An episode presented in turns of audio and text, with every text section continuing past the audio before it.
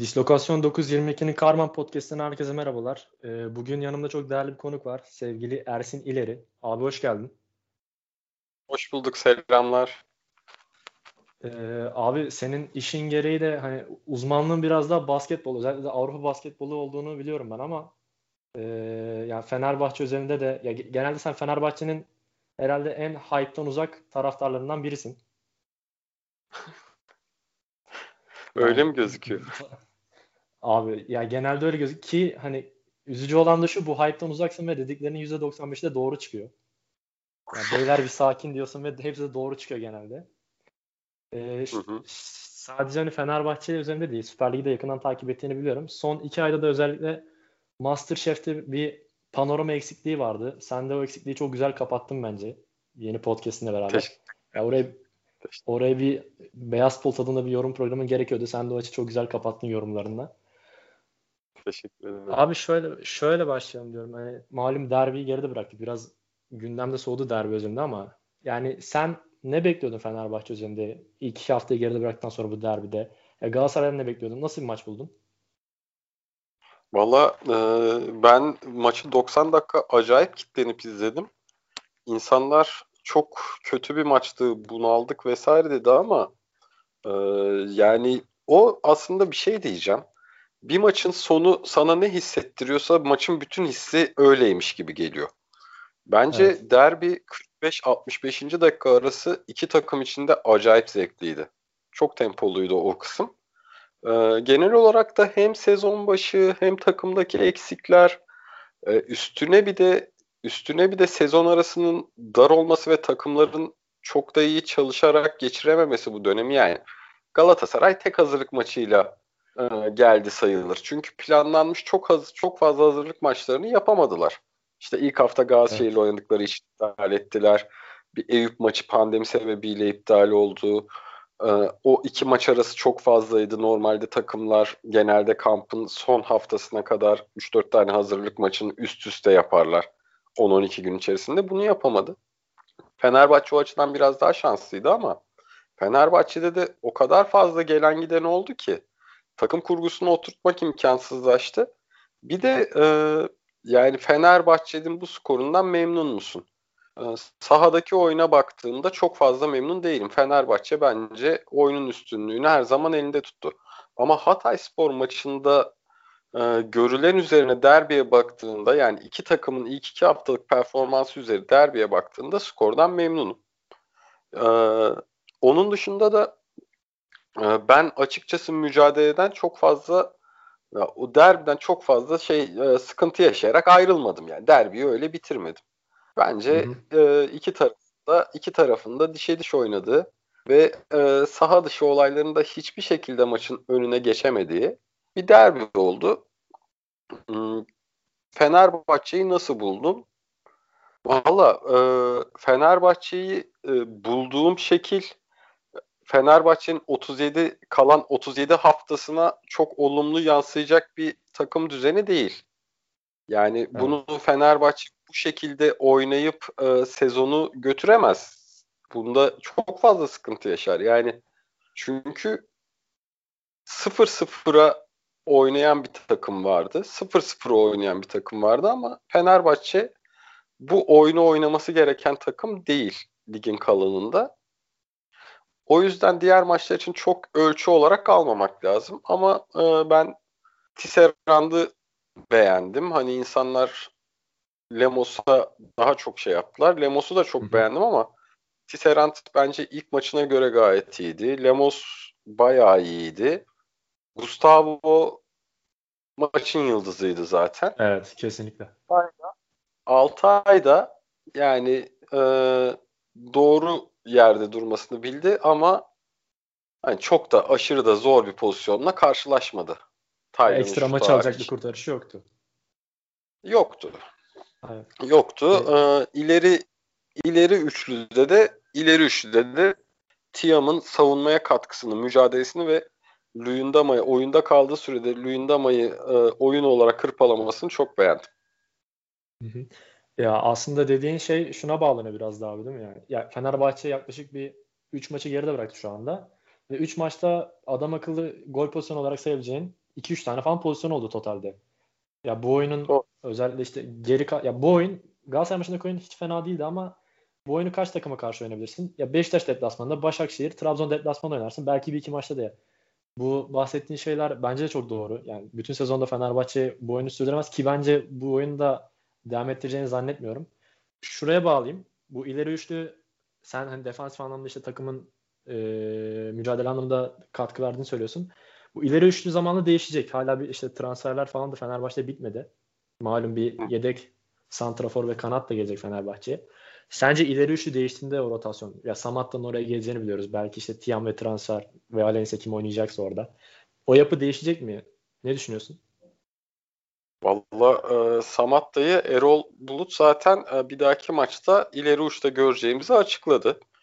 E, Valencia Valencia hani insanlar Valencia'nı çok fazla santrfor olarak düşünüyor ama ya benim hatırladığım Valencia genelde sağ forvet gibiydi. O evet. Ekvador'la ki Valencia ile Ekvador'un Dünya Kupası'nda iyi oynadığı zamandan hatırlıyorum Valencia'yı. Yani West Ham performans falan çok fazla Premier Lig takip etmiyorum. Genelde e, işlerimle çakışıyor hafta sonu ve hani bir insanda neyi izleyebiliyorsa ondan devam ediyor. Orada West Ham performansı çok hatırlamıyorum ama e, genel olarak sağ forvet gibiydi Ener Valencia ve mücadelesiyle ön plana çıkan bir isim. E, faydalı bir oyuncu ama işte Samattalı e, bir kurguda ya da işte e, sağ bekte Gökhan'ın olduğu bir kurguda Valencia ne kadar faydalı olur onu göreceğiz. E, Fenerbahçe'de şu anda esas problem e, bence kimin geleceğinden öte kimlerin gideceği ve gidecek isimlerin nasıl gideceği. Yani öyle bir şişkinlik oluştu ki şu anda e, Fenerbahçe'de evet. hala santrfora ihtiyaç var deniyor. Ama e, santrfor rotasyonuna bakıyoruz Fenerbahçe'nin. Samatta, Valencia, Tiam ve e, Allah yer var şu anda kadroda hala yazılı gözüken. Evet. Ve hala santrfora ihtiyaç var deniyor. Onun dışında kanat rotasyonuna bakıyorsun. İşte ilk olarak Ferdi'yi yazıyor herkes. Ferdi, Sinan, Yine Valencia, yine Tiam. Evet. Deniz. Deniz. 5 yani tane oyuncu var ama 5 tane oyuncunun birinden net şu katkıyı alırım diyemiyorsun. Domine Hatta eder olarak, diye. Evet. Ya Novak Caner yazanlar da var işte ileri geri hatta. Caner'i bile sol açıkta yazanlar da var. Onu da oraya ekleyebiliriz Tabii hatta. Sol açıkta çok fazla görmek isteyen var. Anlamıyorum pek bunun sebebini. Ee, ve e, Fenerbahçe'de bir de ofansif kurgu ya ofansif kurguda sıkıntıya ol, yaratabilecek bir sol bekim var Caner Erkin. Sezona çok iyi başladı.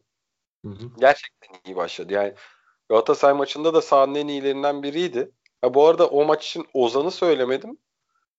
Ee, Ozan acayipti. Yani evet, işte ya son 10 dakika 3 kişiyi ayıkladı sarı kartla. Tabii tabii. Galatasaray orta sahası düştükten sonra da özellikle yani onu çok iyi becerdi. Ama Caner Solbek'te genelde bir takım kurgusuna zararı olan isim. Hı hı.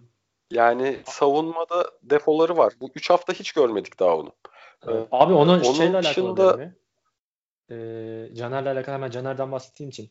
Caner mesela Abdullah Avcı takımında çok fazla sırtıyordu ama ya Caner'in açıklarını kapatacak Tisserant da geldi ve Gustavo da biraz daha orayı kapatabilir mi? Ya Caner'in defolarını gizleyebilir mi Erol Bulut?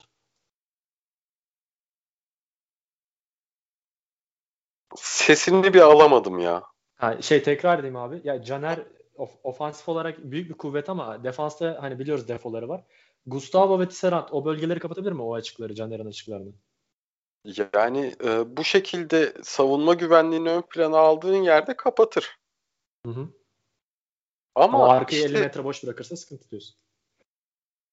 Hem öyle hem de işte oyun kurgusuna da sıkıntı var. Şimdi e, Ferdi'yi mesela şeyde görüyorsun. E, Ferdi'yi mesela sol kanat görüyorsun ama e, Ferdi toplu oynamayı seven. Ferdi toplu oynamayı seven. Genelde de topla içe doğru kat eden oyuncu. Ve yani alverler de yapmaya çalışıyor merkezdeki adamla. E Ferdi'nin topu e, Ferdi'yi deplase edemezsin. Ferdi'nin topu bir yerde ayağına vermek zorundasın. Evet. E, oyunu sete kurguladığında. Ama işte e, oyunu soldan kurgulamaya çalıştığında Caner'in 40 metrelik ortaları var. Bu, evet, asla hücum, pas atmıyor. Bu hücumlar için alınabilecek bir risk olabilir. Benim buna itirazım yok. E, doğru oyun yanlış oyun tartışmasına girmiyorum. Ama o oyun önünde Ferdi ile çok fazla oynanabilecek bir oyun değil. Bu sefer Ferdi çok fazla sıkıntı yaşar. E, Ferdi'yi mesela sağ kanatta değerlendirmesi lazım Fenerbahçe'nin. Bana göre. Ee, Tabii buyur. Ee, işte ya bu tarz kurgusal problemler var. Mesela Fenerbahçe e, yani hani kadroda Sosa'yı 10 numaraya yazan insanlar görüyorum. Sosa bunu terk edeli bir 5 sene falan oldu bence. Yani Beşiktaş'taki oyunundan sonra Milan'dan itibaren Sosa Sosa geriden oyun kuran ve e, geriden aslında bitirici işleri yapan adam olarak daha fazla oynuyor. Mücadelesi çok iyi. Ee, uzun paslarla Kanada çok iyi deplase ediyor. Yani işte Regista yani o 10 numara kavramını aslında 6 numarada oynayan adam Sosa. Yani Sosa'nın 10 numarada yazılması beni biraz dehşete düşürüyor açıkçası. yani Fenerbahçe'nin çok net bir e, forvet arkası iş bitirecek oyuncuya ihtiyacı var. Yani kanat ve santrfordan öte bana göre. Ee, Peki o zaman işte, sen Giuliano cephesindesin. Sonuna kadar okeyim. Ya yani onu konuşuruz. Ee, şey e, Fenerbahçe'nin bence buna ihtiyacı var. İlk olarak. Ondan sonra da kanat oyuncusuna ihtiyacı var. Ee, Santrfor bence şu anda bu iki oyuncu şeyinde üçüncü. Ee, Gökhan da Gökhan da eskisi kadar e, sahada gel git git gel yapamadığı için bu sefer orada da bence Gökhan'ın ver kaç yapabileceği bir oyuncuya ihtiyacı var. Yani e, Fenerbahçe'nin bence ihtiyacı olan şu anda sol kanatta e, oyunu nasıl kurgulayacağını düşünmek. Yani e, bunun için hızlı bir kanat alınabilir. Çünkü Caner paralel pasları çok iyi atıyor. E, onun dışında Tiam mesela aynı katkıyı vermez. Ondan dolayı demiyorum ama Tiam mesela Tiam mesela işte Raum Dauter rolü var ya hı hı. sol oynadığı rol. Ee, gole yakın gole yakın kanat. Yani oyun kanadından kurgulandığında ceza sahasına giren ve e, seken topları kovalayan kanat tipi e, bunu yapabilir. Hazırlık turnuvasında yaptığı gibi. Aynen öyle. Yani ikinci forvet gibi. Hı hı. Ki zaten e, Tiam bence bu role de daha uygun. Tiam'ı biz niye kanat olarak düşündük ben anlamıyorum. Yani Kasımpaşa'da Koyta yokken Santrfor'du. Sonra evet. Koyta ile Koyta ile yani Tiam soldan topu getirdi ama yani sol kanat gibi değil, sol forvet gibi de değil, ikinci forvet gibiydi. Yani bizde direkt kanat olarak görülmesi garip geliyor biraz. Çizgi oyuncusu değil tabii Tiam klasik anlamda. Hiç alakası yok hatta. Yani aslında tam bir santrifor ama evet. Ama işte bu şekilde görülüyor. Yani e, işte kurguyu sağladığında çok rahat sonuca gidebilecek bir takım var aslında. Ama ne kadarını başarabileceğiz onu zaman gösterir. Ee, şuna bağlayayım abi sen biraz aslında değindin forvet arkası Fenerbahçe'nin bir ihtiyacı var diye. Herkes yaz döneminin başında hatta Erol Bulut takıma gelmeden önce de Fenerbahçe'nin klasik bir 4-3 oynayacağını yani Gustavo önünde de işte bir sağ iç bir sol iç oyuncusu oynayacağını düşünüyordu Erol Bulut'un. Böyle bir taktiği çıkacağını düşünüyordu. Ama Erol Bulut yani hemen hemen 3 maça çıktı Fenerbahçe. Üçünde de 4-2-3-1 ile başladı. Gustavo'nun partneri Tolga ya da Sosa oldu. Önünde de forvet arkasında yani derbide pressinden faydalanmak için Ozan'ı kullandı. Ondan önceki maçlarda Deniz Türüç kullandı. Ya Erol Hoca klasik 4-3 kullanmayacak gibi duruyor. Sence o forvet arkası isim e, daha oyun kurucu bir isim olmalı yoksa direkt Talisca Giuliano tarzı sezonda işte 15 tane atabilecek gole yakın bir isim mi olmalı? Ee, yani Giuliano gibi bir isim olmalı. Talişka Talişka'nın gelebileceğine dair bir inancın var mı? Yok ya Talişka gelmez. Ya Talişka Giuliano'yu ben şöyle stil olarak benzemeseler de e, daha gole yakın ofans ortasahadan da öte ya Alex tarzı yani ikinci forvet, gizli forvet gibi kullanıldığı için bu oyuncular çok fazla skor yapabilecek isimler. Atıyorum Sosa Beşiktaş'ından biraz daha farklı. Sosa Beşiktaş da forvet arkasıydı ama daha oyun kurulumuna katkı veriyordu Oğuzhan'a. Ama Giuliano ve Talisca daha farklı tarzda oyuncular. Sen bu tarz bir oyuncunun mu? Yani ceza sahası içinde daha fazla bulunan bir oyuncunun mu gelmesini istiyorsun Fenerbahçe'ye? Ee, bitirici rolü iyi oynayabilecek bir oyuncu. Yani Giuliano da yapabilir, Talişka da yapabilir. Ya Kuruze de yapabilirdi bunu. Yani ikinci forvet gibi. İkinci forvet gibi. İşte Giuliano biraz daha biraz daha e, alıveri, e, verkacı vesaire daha iyi olan oyuncu. Talişka evet. Talişka yani gözün kapalı her türlü katkıyı ofansif olarak alabileceğim bir oyuncu. Bitirici rolde. Oyunun içinde çok kayboldu oluyordu. Ben Talişka'nın Beşiktaş'ını o sene Vodafone Arena'da herhalde bir maç falan kaçırdım. Talişkalı Beşiktaş'ı. Yani düşündüğümde, hatırladığımda oyunun yarım saatinde falan gözükmediği oluyordu. Gerçekten Talişka onu evet, evet. kendini. Ama o bitirici rolü de çok yani hani Türkiye'ye gelebilecek oyuncularda ondan iyi yapacak yoktur herhalde. Yani benim izlemeyi en sevdiğim oyuncu olabilir Talişka. Genel yani olarak. Alex'ten sonra o pozisyondaki en iyisi mi Türkiye'ye gelen kesinlikle.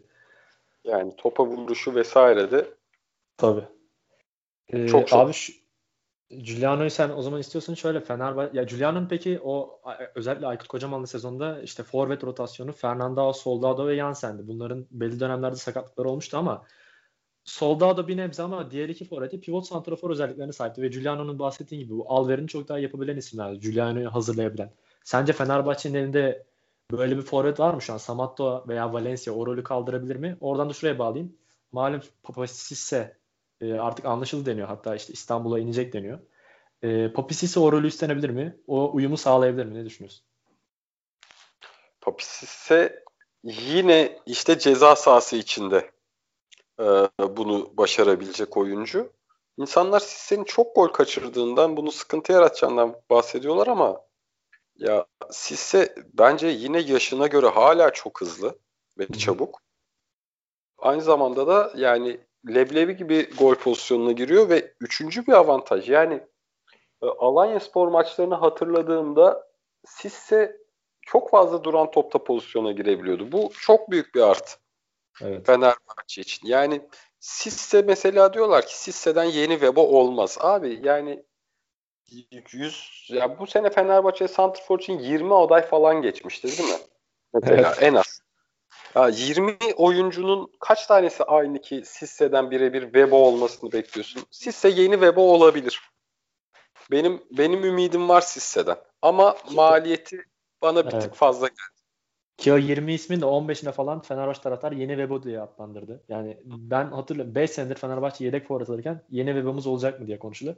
Ki bence Sisse'nin belli özellikleri Webo'dan çok daha iyi. Yani teknik özellikleri, hareketliliği vesaire. Yani Webo tabii çok bambaşka bir oyuncu, oyuncuydu ama Sisi'yi belli maliyetlerle kapatırsan yani forvet rotasyonda ikinci forvet olarak Sisi'yi kapatmak lig seviyesinden oldukça üstünde bence.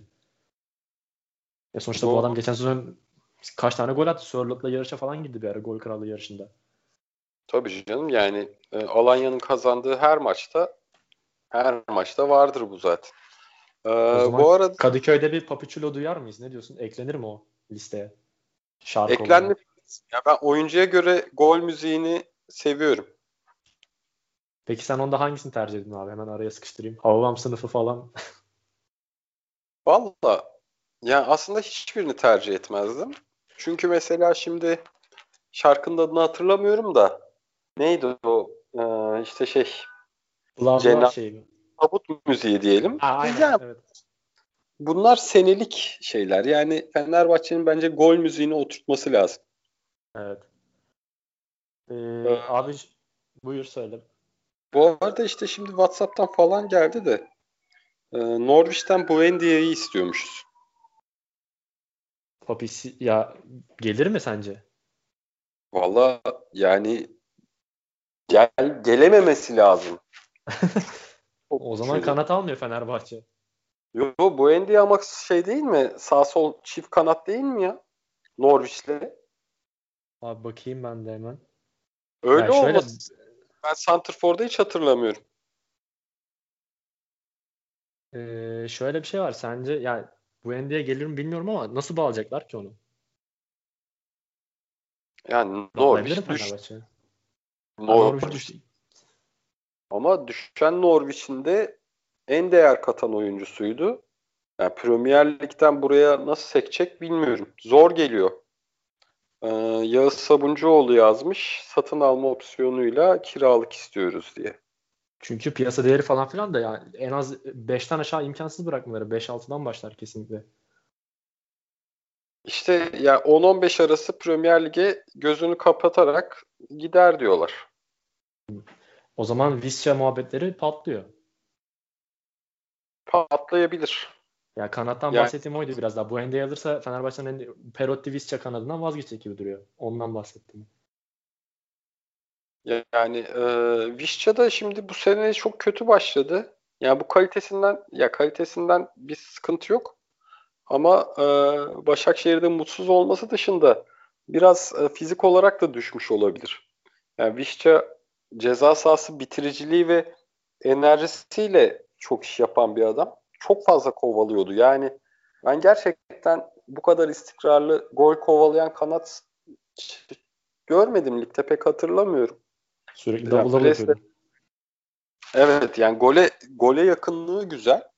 Ee, ama işte yine bir sıkıntı var.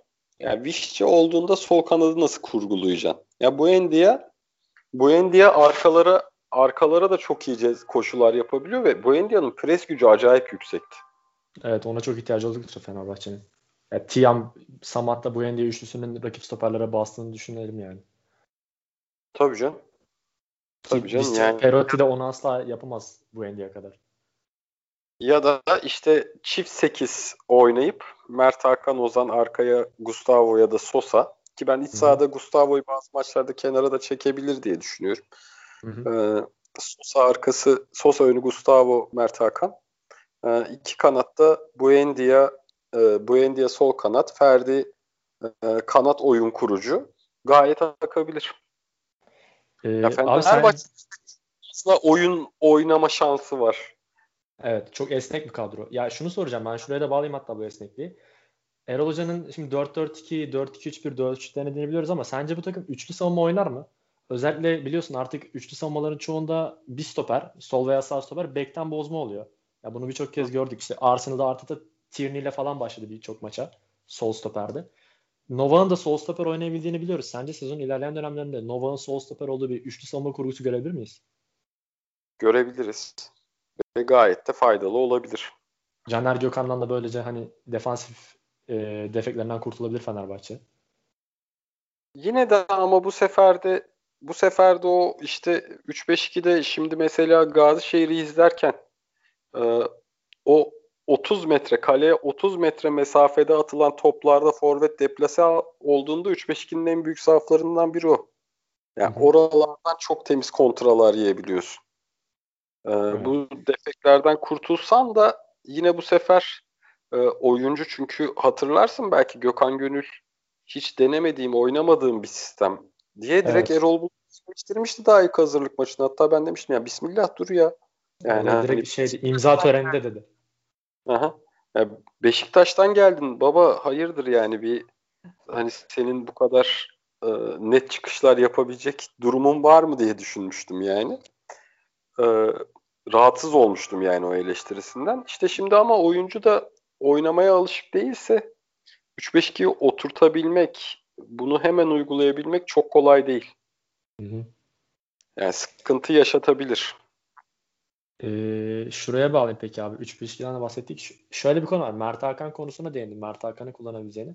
Mert Hakan geçen sezon Sivas Spor'la ya gerçi sezonun yıldız isimlerinden biriydi ama bana kalırsa sezonun ilk yarısının yıldız isimlerinden biriydi. İkinci yarıda tabii sakatlar da yaşadı ama Mert Hakan'ın performansı düşmeye başladı. Bu Sivas'la da alakalı ama e, şuna bağlıyorum ben. Sana da sorayım bunu sebebini mesela. Takımlar Sivas'a karşı önlem almaya başladı ve kapanmaya başladı. Mert Hakan'ın verimi düşmeye başladı. Çünkü Mert Hakan o box to box oyununda özellikle rakip kaleye 60-70 metre çok hızlı sprintlerle hemen pozisyon bulabilen bir isimdi. Fenerbahçe'de bu oyunu oynaması çok zor gözüküyor. Bu kapalı savunmaya 8-9 kişiyle kapanan savunmaya karşı Mert Hakan o forvet arkası rolünü kaldırabilir mi? Veya orta sahadaki iç oyuncu rolünü? Ee, yani şut özelliği iyi. Hı-hı. Onun dışında Fenerbahçe biraz pres oyunu oynamaya çalışıyor. Mert Hakan da şeyde bu iki maçta da Mert Hakan'ın sakatlığı vardı. Evet, daha sakat, sakatlandı. Daha sakatlığını atlatamamıştı. Yani e, kamp üzeri gelen sakatlık maç kondisyonunun diğer arkadaşları kadar iyi olmaması biraz fizik olarak kötü gösterdi. Eleştirildi de Tayland'dan nasıl geri kalıyorsun falan diye ama net olarak sakatlığı vardı Mert Hakan. Tabii. Ee, yani Fenerbahçe pres oyunu oynayacaksa ki bence bir yerden sonra oynayacak. Tamamen oyunu buna kurgulayacak. Çok fazla yani bekler dahil e, rakip yarı sahada kaleciyle çıkarken 8 oyuncuyu falan görebiliriz Fenerbahçe'de. E, bunu oynarken Mert Hakan faydalı. Çünkü mücadele eden çok fazla geri kalmıyor. Ama evet. Mert Hakan bonservissiz, yerli, parlayan oyuncu olarak çok iyi transfer. Ama Mert Hakan'a güvenip işte Fenerbahçe'nin orta saha rotasyonunda şu an Fenerbahçe 5 kişi. Net olarak evet. hani Ferdi atarsın, Deniz'e atarsın vesaire ama mevkisi orta saha olan 5 tane oyuncu var. Gustavo Sosa, Tolga, Ozan, Mert Hakan. Ee, işte o oyunu çözecek adam Mert Hakan değil. Çilingir'in değil diyorsun. Kesinlikle değil. Ee, abi Fenerbahçe ilgili ağırlıklı olarak Fenerbahçe konuştuk. Biraz da diğer takımlardan bahsedelim şampiyonluk adayları üzerine. Yani Beşiktaş tabii artık bu oyuna şampiyonluk adaylarından biraz uzak gözüküyor ama biraz da Beşiktaş'ta gündem yoğun olduğu için Beşiktaş sen nasıl görüyorsun? Valla Beşiktaş'ı nasıl görüyorum? Ya ilk olarak Abu Bakar yani hani ne kadar oynar bilmiyorum ama girdi yine kalitesini belli etti. Yani Takımın hani en iyisiydi.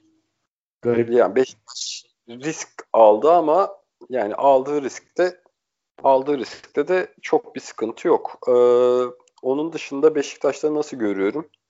Ya çok fazla başkan oyuncuları ve e, takımın içerisini öne çıkardı basın demeçlerinde. Bu bu huzursuzluk yaratmış belli. Ya ben Beşiktaş'ın mesela işte e, kadroya bak can çekişiyor falan diye bir durumu olduğunu düşünmüyorum aslında ama o eklemeleri yapabilecek e, şansı yok. Kanat rotasyonu işte iki tecrübesiz, iki geçen seneden sıkıntılı oyuncu artı sakat Enkudu. İşte hep o kanat rotasyonuna güvenemiyorsun. Ama orta sahasına baktığında Beşiktaş'ın isimler düzeyinde çok şey e, istikrar sağladığında işi götürebilecek bir orta sahası var. Dorukan, Josef, Atiba, Mensa, Laiç. Ama işte evet. bu isimleri ne kadar ne kadar adapte edebileceksin? O Doğru mesele. olabilecek mi? Hı hı. Savunmada şimdi... da Evet buyur. Savunmada da Montero iyi çıkarsa bir de bir sağ bek bulurlarsa ki o Sporting'deki sağ bek için pek iyi konuşmuyor izleyen arkadaşlar. Ben izlemedim ama hı hı. Ya bir yerde işler düzene girebilir ama e, kalede Ersin'le başlamak Ersin Utku'yla başlamak e, her zaman şeydir yani. Şampiyon takım için risktir. O yani yüzden abi, şu var şampiyon takım ben şeyi biraz anlamıyorum açıkçası yani. Ahmet Nur Çebi'nin çıkıp asla bir, bir kararsızlık var Beşiktaş'ta. Katılır mısın bilmem. Beşiktaş şampiyonluğa mı oynayacak yoksa tamamen yani Fikret Erman'ın ilk sezonları gibi bir iki sene daha bekleyin o geçiş sürecini sağlayalım mı diyecekler. Bunu tamamlamıyor. Ya Sergen Yalçın çok başka konuşuyor. Ahmet Nur Çebi çok başka konuşuyor. Beşiktaş'ın yönetiminin veya teknikin biraz kafası karışık gibi hedef koyma konusunda. Doğru. Doğru yani Mesela Sergen'in hocalığı sorgulanmaya başladı. Hı hı. Ya iki ay geçmedi herhalde lig biteli. Yeni iki ay oldu galiba. Yani iki ay içerisinde üç maçta hocalık sorgulatacak bir durum olduğunu düşünmüyorum. Oturabilecek bir kadro yok hala Beşiktaş'ta çünkü.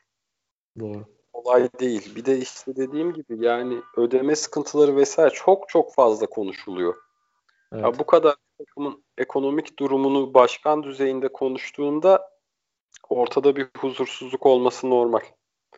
Yani dediğin gibi evet yani Beşiktaş baya baya sıkıntılı ama böyle 8. bitirir, 10. bitirir, can çekişir. Yok ya ben öyle düşünmüyorum yani belli olmaz. Momentumu oturttuğunda birlikte alır götürürsün yani şey kış uykusundaki Aydın Bey gibi açıklama yaptın abi. Beklenti yani tanrılaştırmayı beklediğiniz insanlar öyle çıkmayınca niye suçluyorsunuz der gibi. İnanılmaz bir açıklamaydı. Buradan da ben şunu söyleyeyim. Ersin ileriden, ileriden 90 günlük Mubi üyeliği almış bir insanım. Ee, Ya sanat filmleri konusunda ciddi bir atılım yaptım onu da söyleyeyim. Ama izlemezseniz de çok ağır tepkileri oluyor. Hani Twitter'ından görebilirsiniz onları. Eğer bir premium üyelik aldıysanız onu kullanmaya bakın olabildiğince. Buradan yok. Ya ben... yok. Ee, sıkıntı yok. Hani kim ne istiyorsa izlesin de e, şey değil mesela e, Fritz Hoca Fritz Hoca'ya dedim yani biliyorum Fritz Hoca'nın yönetmen filmi, festival filmi sevdiğini. E yani verdim. Dedi ki abi bu beni sıkıntıya sokar. Ben abonelik istemiyorum. Lan vermişiz işte yani.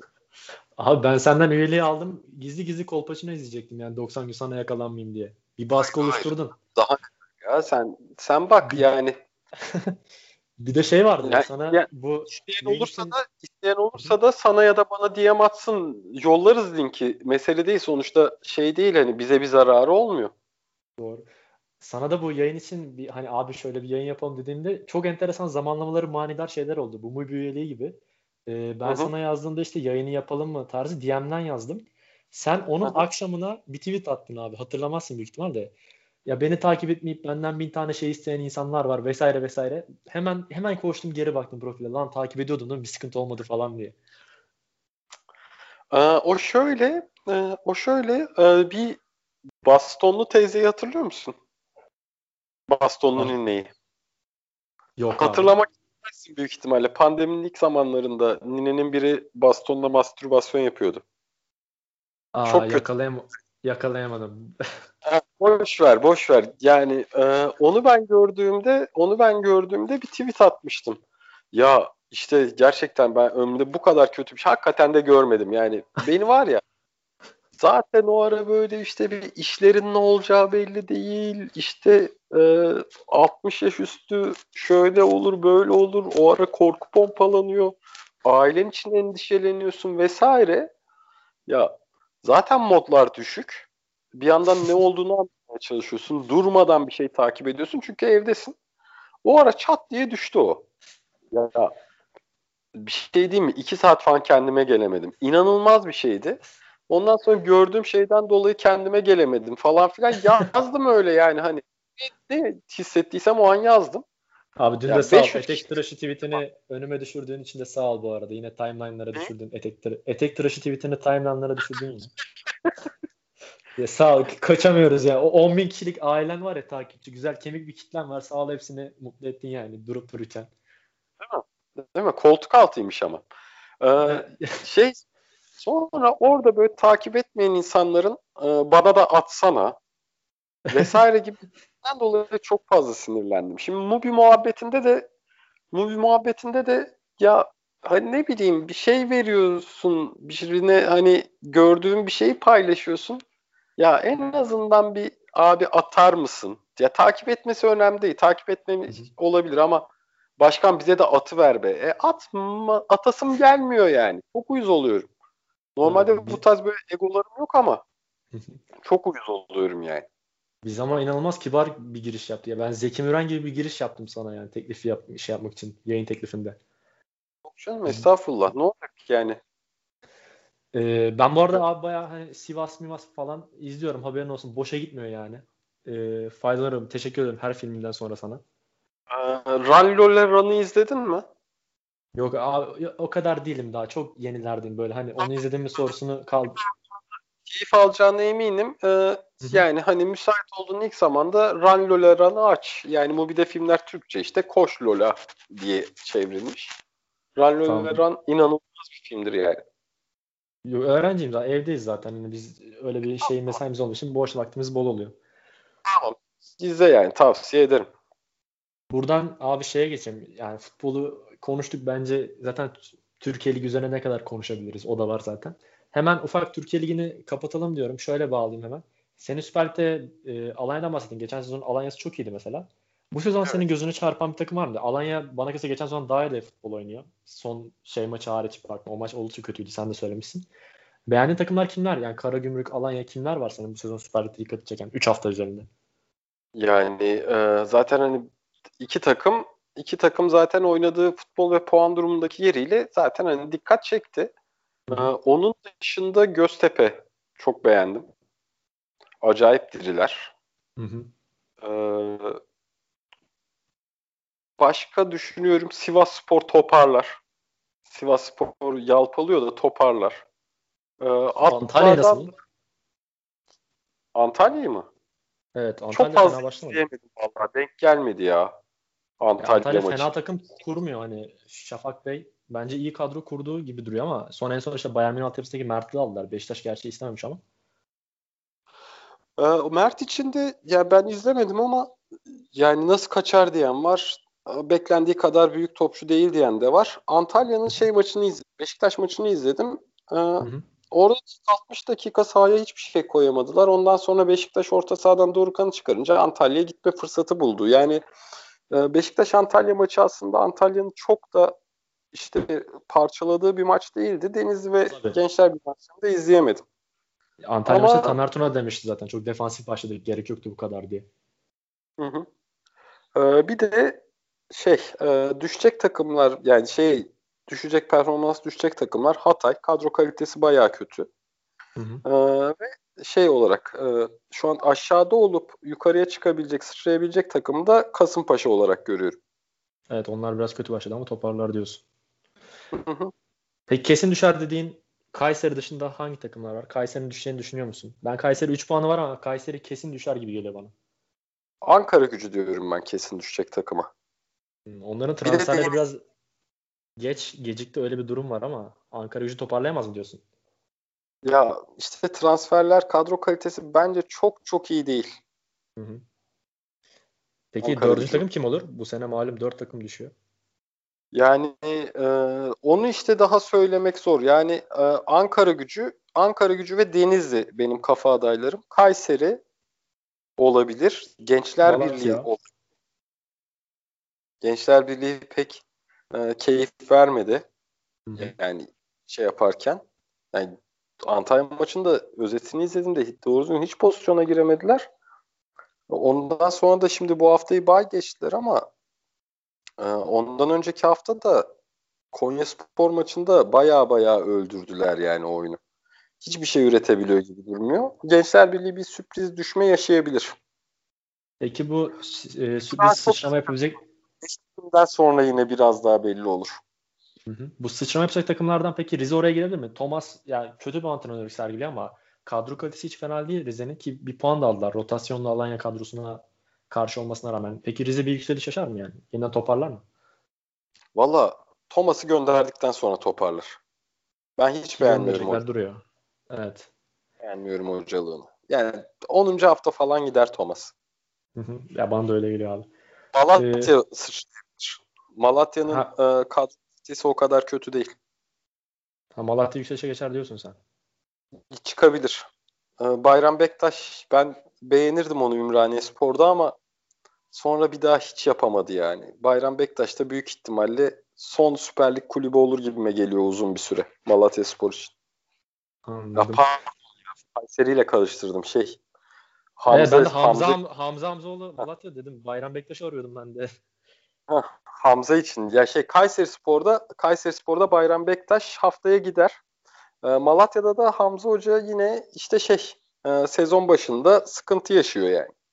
Gelen geçenden 3 yiyor şu anda. Bir Hamza Hamzoğlu'nun var öyle bir dönemi. Anlamıyorum ben yani oynatmaya çalıştığı oyunu falan severim ama hep nedense sezon başı başladı mı afallıyor ya. O kadar kötü kadroda yok aslında elinde yani.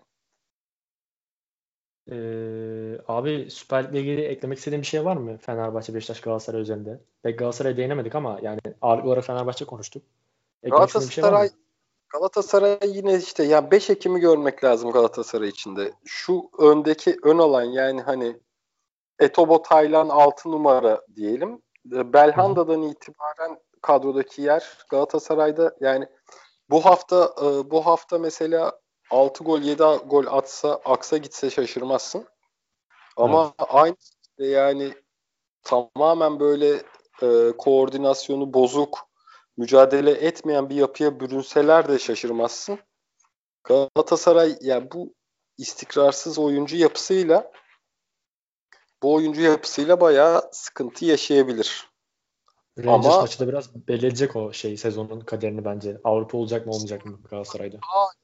hala yani genel bütün kadroya baktığında Muslera'dan Falcao'ya Türkiye'deki en güçlü takım şu an. Bence. Evet. Kağıt üzerinde Fenerbahçe'nin kadrosu Galatasaray'a şu an hala yetişememiş mi görüyorsun? Kesinlikle yetişememiş. Ya bence çok net arada kalite farkı var. Yani işte kanat vesaire düşündüğünde yani Fenerbahçe'de Fegüli'nin oyuncu kalitesi olarak yanına yaklaşabilecek bir topçu var mı sence?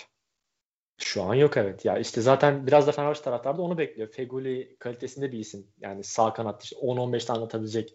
Takım belki de en yaratıcı oyuncusu olacak. İsmi bekliyor Fenerbahçe taraftarı da. İşte stoper tandem stoper, evet, stoper tandem, tandem kesinlikle.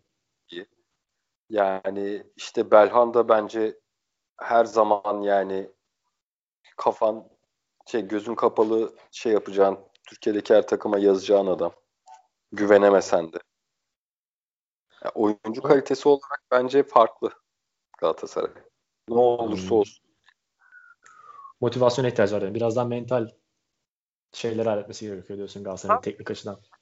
Bir de Şampiyonlar Ligi olsun olmasın Galatasaray daha farklı transfer yapıyor ligdeki diğer takımlara göre. İşte Etebo'yu ben Fenerbahçe'nin Etebo gibi bir transfer yapacağını düşünmüyorum. Du iyi çıkar ya da çıkmaz. Ee, Luyendama tipi bir transfer yapabileceğini düşünmüyorum Türkiye'de hiçbir takımın. İşte evet. geçen serileri, Leminaları getirebilecek şeyde e, kafada bir takım yok daha Türkiye'de maalesef. Yani işte Beşiktaş elini yaptı. Elneni Arsenal'den geldi. Hadi Arsenal olmadı, şu olmadı. Hadi bir Southampton'da kadroda olmayana bakalım demiyorlar diğer takımlar. Galatasaray hariç. Ya Fenerbahçe Premier Lig pazarından uzak kaldığı gerçek ya. Kolay kolay. Ya Samat da belki de işte biraz da Ayev vardı o Galatasaray yani, transferi diyebileceğimiz önce işte iki sene önce ne Ayev yaptı. Bence çok da doğruyu yaptı o zaman ama işte tutmadı. Evet bazen de tutmayabiliyor kağıt üzerine yaptığım transferler. Yani hani ee, ilk yaptı yoktu. Abi şuna biraz da hani futbol muhabbetini biraz kapatayım. Son bir 5-10 dakikada Masterchef bahsettiğim gibi programın başında bir uzmanısın. Estağfurullah. Yok valla sadece izleyiciyim ya. Abi yok Uzman... Masterchef'in Mehmet, Mehmet Demirkolu gibisin şu an yani. Biz hani bekliyoruz o podcast'i. Farklı bir bakış açısıyla değerlendiriyorsun. Özellikle Berker'e kafa atılmaz mı tarzı yorumları beğenerek. Öyle mi dedim? İnan hatırlamıyorum. Aa, hafif asabiyet. Ya ben galiba seni sadece asabi tweetlerine denk geliyorum. Bilmiyorum ama. Berker'e takip edemiyorum. Aa, ben de. Ben Berker'in zaten daha bu ilk şeyli elemeler vardı ya. Kalma muhabbeti. Ger o da inanılmaz saçma bir konsept bu arada. O kadar hani kalma etme uğraştır ettiler. Bugün Didem'i bile işte Selin'dir, Didem'dir, Valison severiz ama böyle boş adamları gördük tekrar. O zaman bu elemeyi niye yaptınız diye insan sormadan edemiyor. Ne düşünüyorsun bu konuda deyip bağlıyorum sana. Ya işte Didem'in şu an yarışmaya geldiği yerde Berk neden gitti ya? Berk'e çok Kesinlikle. yazık oldu. Berk'e acayip yazık oldu. Ya benim çok sevdiğim biri değildi yarışmada. Ee, ama Berk'e üzüldüm ya. Yani Berk'ten orada onun... çok adam vardı. Nasıl? Berk'ten önce gidecek çok adam vardı yani. Kesin canım ya. Ya Valison da çok yormaya başladı. ya Valison Valison şey olacaktı ya. Geldi gitti. Anlamayacaktık. Orada bir hafta şefim, mefim, hayat zor. Durmadan hayat zor Valison'a. Yani... Abi sen o zaman sabırın, merhametin bir hafta mı Master Chef'te? Ay, bir hafta mı ay kıyamam diyorsun birine? Tabii canım yani hani sonuçta bazı şeyler rating için. Ama Tabii bir yere için. kadar rating için. Yani işi yarışma havasından uzaklaştırdığında işte Survivor'da o daha çok oluyor ya. İşi yarışma Hı-hı havasından uzaklaştırıp biraz daha magazinleştiriyorsun. Ee, evet. O zaman kaybediyor mesela yarışmalar. Yani beni kaybetmenin çok bir derdi olacağını zannetmiyorum TV8'in ama e, ben yine biraz daha kapışma görme tarafındayım ve bu haftaki bölüme bölümlere bayıldım inanılmaz ya. Var, inanılmaz. Beni açıkçası birebir düelli biraz hayal kırıklığına uğrattı ya. Ben 3 tane takım oyunu oynamak, izlemek isterdim. Değil mi? O plan evet. muhabbeti yani gerek yok. Onu zaten izlerdik bir şekilde yani birebir muhabbet. Böyle takımlar kurulmuş. Bir oyunu harcadılar bence. Yani yazık oldu hakikaten ama zevkliydi. Zevkliydi. o zaman e, Survivor'ın belki de kahramanı e, en iyi ismi. Videolara konu olan hani Twitter'da sürekli kendi videolarını gördüğümüz isim. Benim favorim. Senin de favorin olduğunu biliyorum. Eray Aksungur efsanesi. Birkaç cümle. Ee, Ya ilk fragmanı ön... gördün bu arada. Şey fragman diyorum. İngilizce yaptığı inanılmaz bir şeyleri gördün mü? Gördüm gördüm. gördüm yani. Eray şu anda Eray şu anda Türkiye'nin her yerinde e, her yerinde turist ağırlıklı bir restoranda yemek yapabilirmiş. Çok Kesinlikle. ideal Türkçe kullanımı bu. Hadi yurt dışında sıkıntı yaşarsın ama Türkiye'de var ya şeflerin kralı olursun. Eray e, iki hafta öncesine kadar çok antipatikleşmişti. Evet. Her şeye yorum, her şeye nefret, neden sevilmiyorum tribine girdiğin anda neden sevilmiyorum tribine girdiğin anda hayatta e, hatalar yapmaya başlarsın. Eray o tripten çıktı. O yüzden hatalarını azalttı. E, bir de e, kafa sallayışını fark ettin mi? Eray yani Eray tam bir Bogdan Bogdan. Yani Eray, Eray Aksungur kafasını sallıyor ve siz bunun ne anlama geldiğini çok biliyorsunuz. Buna döndü olay gerçekten. Biraz da geçiştiriyor abi bu arada. Şef başına geliyor Eray mesela. Eray böyle mi Eray biraz kafa sallıyor. Ben biraz geçiştiriyor şefi önündeki şefi. Evet evet fazla konsantre. Aynen. E, Eren şeydi yorucu mu olacak galiba? Yani başta çok sevmiştim. Ee, bu sevgi pişmanlığa mı dönecek demiştim ama gayet iyi. O zaman senin favori üçlün kim? Ya çok belli aslında biraz Masterchef'in son üç, üçüne kalacak isimler ama. Kim sence? olur mu orada? Ya Abi şöyle ben hani e, Eray Eray'ı bilmiyorum. Eray'ın mental problemleri sebebiyle Eray'da hafif bir belhandalık da görüyorum. Yani Eray bir gün çıkar inanılmaz yemekler de yapabilir. Bir gün de kendini eletebilir de yani morali bozulursa. Bence Serhat kesin kalacak bir şekilde. Gerçi Barbaros'a birebir Serhat Barbaros Banko gibi duruyor ama üçüncü isim ya Eray olur ya da belki Emir oraya göz kırpıyor gibi duruyor benim için. Barbaros söylendiği kadar iyi yemek yapıyor mu sence? Yani bazen ana yemeklerde patladı oldu ama işte atıyorum Çin pilavında çıktı Serhat'ı yendi. Şeyde köftede yendi bir daha. Yani bir şey var bilmiyorum. Güven veriyor anlamsızca. İşte e, bana da bana da biraz acaba şey mi gibi şey gibi gelmeye başladı. Yani yürüyor şu an ama şef tabaklarında falan çok başarılı değil. Ya bu yarışma ileride ilerideki yemek seviyeleri çok çok fazla şeye çıkacak. Ya çok şef tabakları vesaire gelecek önlerine. Barbaros o tarifleri uygulamakta çok da başarılı olmadı. E işte Recep'e yani, de patlar diyorsun. Son hafta son hafta şeye kaldı. Son ikiye kaldı. Evet. Durmadan şey oldu. Durmadan hata Peki. yaptı. Hatta giderdin dediler yani. Hı hı. Celal son anda elendi. Celal'e çok üzüldüğünü biliyorum. Ee, şeyi gördün mü abi? Somer Şef'in Instagram'da paylaştığı fotoğrafı. Gördüm. Gördüm. abi e, ne düşünüyorsun peki Celal'in gözyaşları, gözler kıpkırmızı yani Somer Şef'in bu kadar mutlu bir poz vermesini? ya orada hani bir de Mehmet Şef ağladık ettik inanılmaz üzüldük derken Somer Şef'in hiç değişmeyen bu mutlu pozu yani benim inanılmaz rahatsız etti mesela. Ee, Celal gibi bir insan tanımanın mutluluğu diyelim Somer Şef'e. Somer Şef bu kadar iyi bağlayamazdı. ya kesinlikle Somer Şef'ten iyi bağladı inanılmaz. Çok seviyorum ben Somer Şef'i. Ben de ee... inanılmaz seviyorum ya. Boğaz'dan konuşması falan inanılmaz mutlu ediyor beni. Bir de ağır Fenerli olması Kadıköylü falan. Evet evet. Evet. E, Somer Şef'in işte bir e, geçen sene bir e, ilişkilerinden dolayı bir hafif linçlendiği bir durum olmuştu. Öyle bir mi? Ara, tabii tabii bir magazine düştü. Bir bak. Ee, ama en son ben Somer Şef'i linçleyen bir şey görmüştüm. Bir tane asit mi ne kullanmışlardı. Ondan dolayı işte mutfaklarda bu kullanılması yasaktır tarzı diye. Onun üstünde bir Somer Şef linçine daha denk gelmedim. O adam ha, niye linç edersin?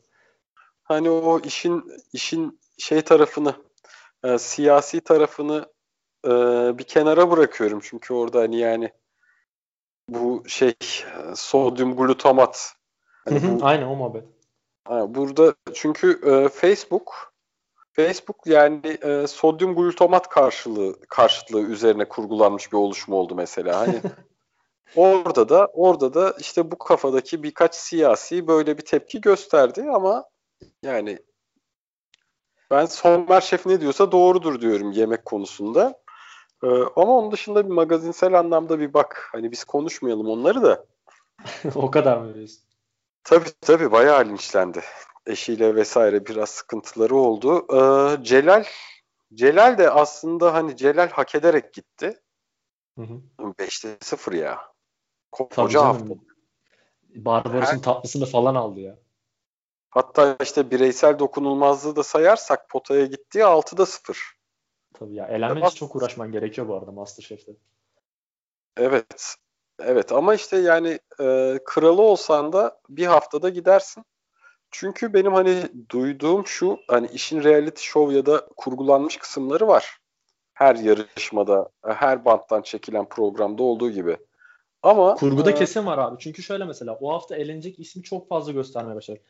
Ya da elenme riski olan. Mesela Tanya'yı bir hafta boyunca çok kötüsün çok kötüsün dediler röportajlarda. Tanya elenecek gibi oldu. Böyle bölümün 15 dakikası Tanya özel bölümü gibiydi. Bu arada Tanya da nişanlısından ayrılmış. Beni hafif ya yuvası yıkılmıştır potansiyel yuvası ama beni hafif bir mutlu etti yani. Tanya boşta şu an. Bunu dinleyenlere de söyleyeyim. e, yani bunu kendisiyle paylaşmak istersen ulaş bence. Bir de son olarak abi sence Emir Didem bunlar bir, bir şey aldın mı? Bir elektrik aldın mı? Ben aldım bu ikiliden bir elektrik. Hiç. Hiç mi diyorsun? Hiç. Ya Ya. ben şunu söyleyeyim abi. Kendime övmek ama ben Nisan ya Survivor izledim mi hiç? Bu sene hiç izlemedim. Ya ben Nisan ayında işte bu Nisa Barış aşkı muhabbeti vardı. Ben dedim bunlar kesin Manita adı da. 5 ay sonra geldiler Türkiye Manita çıktılar. Ben iddia ediyorum Emir ve Didem'in de Manita olacağını. Çünkü abi sana Didem'in Instagram'ına girersen bir takip edenlerine bir bak. Em, kaç tane Emir'in fan club'ını takip ediyor. Senden ricam bu. Benim de senden ricam bu olsun şey yayından sonra. Tamam. Şimdi de bakayım hatta. Abi 7 tane Emir fan club hesabı takip ediyor Didem. O zaman o zaman yani e, ben bunu cuma günkü podcast'imizde kullanabilir miyim? Tabii abi istediğin gibi. Çünkü dikkatli bak Didem hatta istersen geçmişine bakarsın. Didem geldiği an Emir'in kafa falan bir değişik hareketler. Ya Emir zaten garip bir çocuk da iyice garipleşiyor. Bir suratı falan değişiyor. Ya de- detaylı incelersin abi. Abi Tamam. eklemek istediğim bir şey var mı Masterchef'le alakalı? Biraz yarısına Masterchef konuştuk ama hak ediyordu bence bu program. Kesinlikle hak ediyor. Bu sene bu sene yarışma dozu daha yüksek. O yüzden çok mutluyum. Ee, Valla Eray e, favorilerimi sormuştun. Eray, Serhat ve e, ne olursa olsun Esra ya. Esra abla diyorsun. İçinden söverek şampiyonluğa gider herkese. Ya ilk üçte ilk üçte şu an ha bir de dördüncü de dördüncü de Furkan. Furkan da çünkü reçeteleri doğru uygulamaya başladı. Dokunulmazı Evet. kaldı. Yapabilir. Doğru. Furkan evet Furkan bir şey plase duruyor kenarda doğru söylüyorsun. Tabii canım. Tabii canım. O, o açıdan şey, favorilerim bunlar. Senin çok teşekkür. Ha benim mi? Abi ben söyledim zaten işte Eray Serhat Barbaros. Benim de plasem Emir duruyor. Eğer kendini bu aşk meşk işlerine fazla kaptırmazsa Didem bir an önce elensin ki Emir de yemeklere kendini adapte etsin. Emir yarışmanın son iki ayını göremez. Aha bu iddiayı da bıraktım. Öyle mi diyorsun? Ben de Esra ablayı kitlerler yollarlar diyorum. Böyle acayip bir Çin yemeği, Japon yemeğiyle Esra ablayı paketlerler. işte öğrenmeye başladı o yüzden. Doğru bir İtalyan masterclass'ı da aldı. Bilmiyorum ben Esra ablayı çok seni kadar sevmiyorum galiba ya. Ondan Ben gitmesini istiyorum. sevmiyorum. Ben hiç sevmiyorum. hiç hiç. Ama yani yapabilir ya. Yaparı var. Abi son bir yer kaplayan üçlü alabilir miyim senden? Yani niye varsınız? Hani yarın gitseniz hiçbir şey kaybetmez bir yarışma dediğin üçlü. Ee, Valison, Özgül Özgül değil mi? Kesinlikle. ve Berker. Berker kötü olduğu için mi? Sen nefret ettiğin için mi? Yani e, bence zaten e, ortalama üstü yarışmacı vasat. E, üstüne bir de nefret objesi ne gerek var? Böyle inanılmaz bir- abi bu arada Sefa'yı ben inanılmaz seviyorum. Hiç, ya Sefa inanılmaz özellikle Berker'e çıkışıyla da senden senden puanlar topladığını düşünüyorum. Sefa Evet. böyle gayet iyi yemekler yapan falan bir çocuk değil mi? Hafif de alfa da bir karakter. Doğru. Doğru ama ama işte şey ortalama o da. Ya o işte İstemez ya diyorsun. Barbaros ve Serhat kendini baştan kabullendirdiği için kafaları çok rahat. Berker de bak kendini kabullendirebilirdi ama o kapasitede bir adam olmadığı için antipatik oldu. Ya Barbaros da bazen antipatikleşiyor ama genelde lider karakter diye gözüküyor. İşte Berker onu beceremediği için antipatik oldu. Abi Berker içten pazarlıklı bir adam ya hiç sevmiyorum. Acayip itici zaten. Yani 100 oyunun 99'unu alsa karakter olarak o bir üste atamadığı için hiçbir zaman ön planda kalmayacak. O yüzden zor görüyorum işini. Yoksa düzgün. Doğru. Evet, Uğur da mesela fena bir aşçı değil ama o da o karar. O da çok ezik takıldığı için Uğur'un da şansı çok düşük. Düşük düşük. Düşük. Eray yürür. Eray yürür. Gel bu hani, nokta atışı analizle bence bu yayını kapatmalıyız abi. Ben çok teşekkür ederim öncelikle konuk ben olduğun için. Ee, bu umarım tekrar da buluşuruz. Tekrar bir yayında yapabiliriz. Çok isterim gerçekten ben de. Evet. Ee, o zaman dinleyenlerimize kendinize iyi bakın diyoruz. Görüşmek üzere. Hoşçakalın. Hoşçakalın.